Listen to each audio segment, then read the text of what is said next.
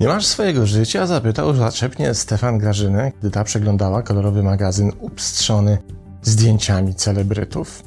Na jasną cholerę ci wiedzieć, czy panna X ma grzybice stóp, a pan Y wyszedł przez komin.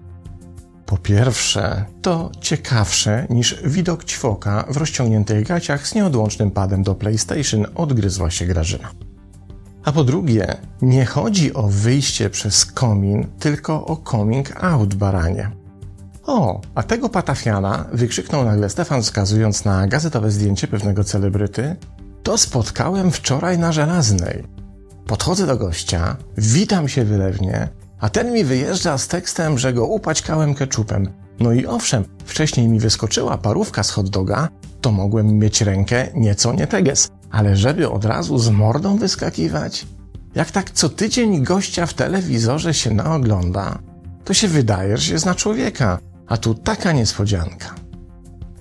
Odkąd relacje społeczne przestały być zarezerwowane wyłącznie dla spotkań face to face i pojawiła się technologia wideorejestracji i powszechnego dostępu do możliwości indywidualnego odtwarzania takich treści, w nasze postrzeganie systemu konstrukcji społecznych wkradł się efekt błędu, który dzisiaj jest tak powszechny, że przestaliśmy go zauważać to błąd poznawczy, w którym podświadomie przyjmujemy, że obserwowana w ten sposób osoba staje się kimś z bliższego kręgu naszych znajomych. Kiedy na przykład regularnie oglądamy ulubiony serial, a w nim nasze ulubione postaci, to nabieramy przekonania, jakbyśmy z każdym tygodniem coraz lepiej znali tych ludzi. Jednocześnie wykazujemy tendencję do zatarcia postrzegania różnic, pomiędzy aktorem odtwarzającym konkretną serialową postać oraz samą postacią.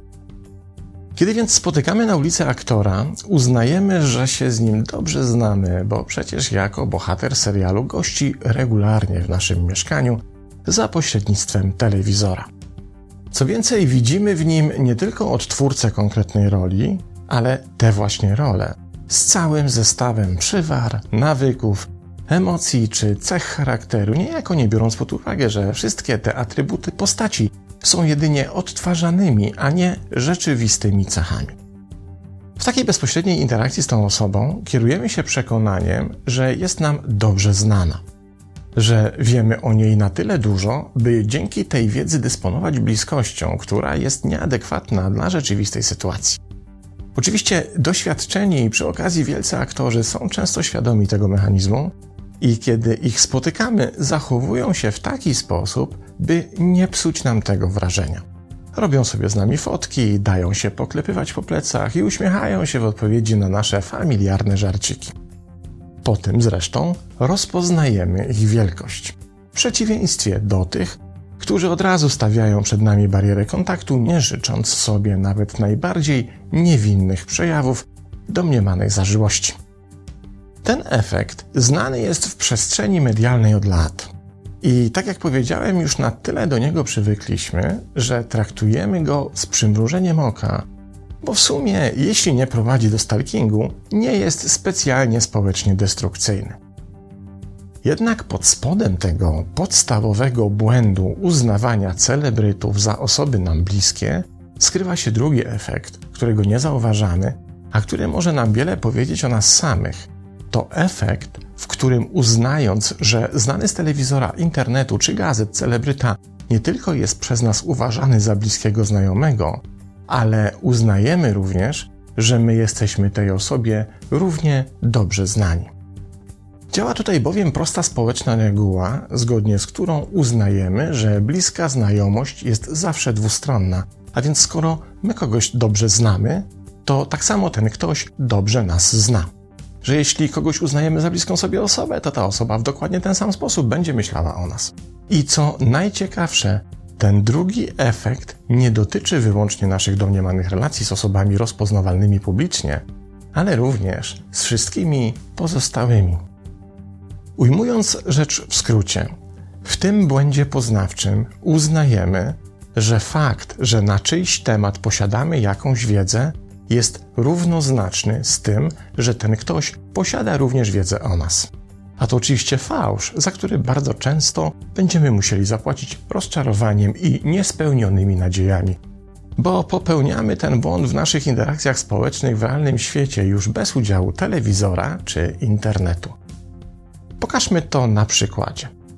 Oto w kawiarence siedzą dwie przyjaciółki, których rozmowa dotyczy pewnego przystojniaka z ich pracy. Zainteresowanie przystojnym kolegą powoduje, że staje się on tematem częstych rozmów obu pań. W rozmowach tych zostaje omówione zarówno to, jak kolega przystojniak się ubiera, jak zachowuje, w jaki sposób mówi, co go interesuje, z kim się pokazuje, do kogo się uśmiecha, a kogo nie zauważa. Generalnie na przystojniaku obydwie obserwowane przez nas panie nie zostawiają suchej nitki. I nawet nie w negatywnym znaczeniu, bo przecież przystojniak się obu paniom podoba i to bardzo. Następnego dnia, już w pracy, jedna z pań mija obgadanego wcześniej przystojniaka przy ekspresie do kawy i zauważa, że pogrążony w myślach kolega nie zauważył nawet jej obecności. Wtedy pojawia się gorycz rozczarowania i podejrzenie, że przystojniak tylko udaje obojętność, bo przecież na pewno jest tak samo silnie zainteresowany nią, jak ona nim. A to niestety nieprawdziwe założenie, co udowodnili naukowcy z Uniwersytetów Chicago oraz Pensylwania w badaniach opublikowanych na łamach Nature w marcu 2022 roku. W badaniach tych odkryto m.in., że kiedy badani posiadali wiedzę na temat osoby zadającej im pytanie, to na te pytanie odpowiadali bardziej szczerze i zgodnie z prawdą niż w sytuacji, w której na temat pytającego nie wiedzieli niczego. W kolejnym badaniu poproszono uczestników o napisanie o sobie czterech faktów, trzech prawdziwych i jednego fałszywego. A zadaniem miało być odgadnięcie przez drugą osobę, która z zapisanych informacji jest prawdziwa, a która nie.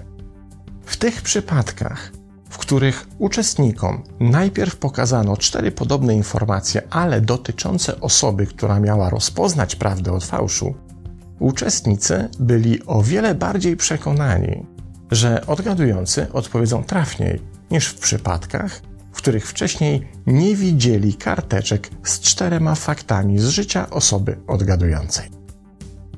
Wniosek z badań jest dość precyzyjny. Otóż poddajemy się iluzji symetryzmu relacyjnego, w której uznajemy, że poziom bliskości relacyjnej jest wzajemny, co oznacza, że jeśli osoba A zdobywa wiedzę na temat osoby B, to jednocześnie uznaje, że osoba B również posiada wiedzę o osobie A.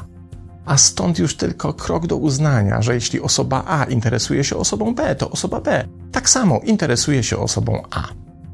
Jednak prawdziwym szokiem dla wielu komentatorów tych badań był efekt działań naukowców już poza laboratorium, którzy chcieli sprawdzić, czy ten poznawczy błąd da się również zaobserwować już na rzeczywistym poziomie społecznych interakcji.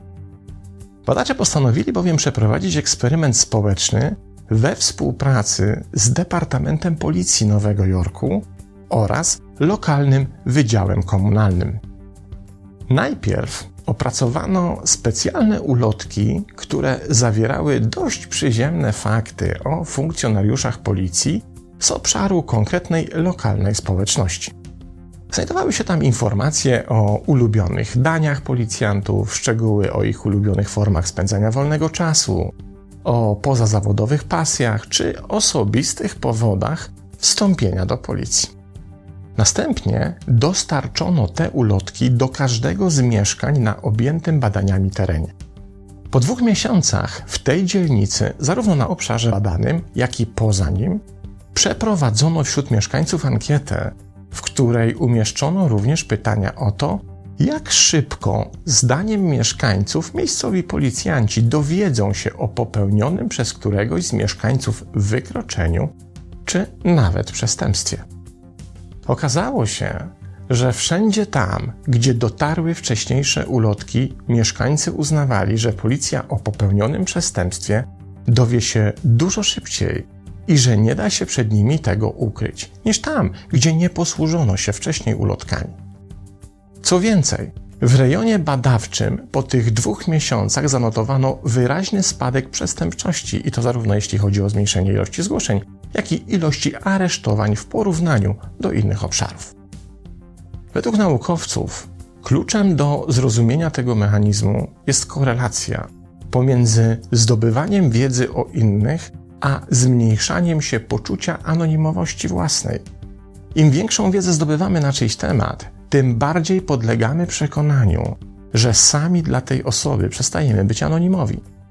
W jaki sposób świadomość tego mechanizmu może zmienić postrzeganie nas samych na planie społecznym? Otóż na dwóch poziomach. Na pierwszym możemy zrozumieć rzeczywiste powody, dla których ktoś nadmiernie interesuje się życiem innych, wśród których na pierwszym planie najprawdopodobniej znajduje się doskwierające uczucie własnej anonimowości, które dzięki zainteresowaniu życiem innych udaje się pokonać. Na drugim poziomie poznanie tego mechanizmu pozwala nam uchronić się przed społeczną manipulacją, w której ktoś serwuje nam dużo informacji na swój temat wyłącznie po to, by w efekcie błędnego oczekiwania symetryzmu relacji uzyskać w nas przekonanie, że dla niego również nie jesteśmy anonimowi. A to, czy tym kimś jest policja, jak w nowojorskim eksperymencie, czy polityk przed wyborami, to już inna bajka. Pozdrawiam.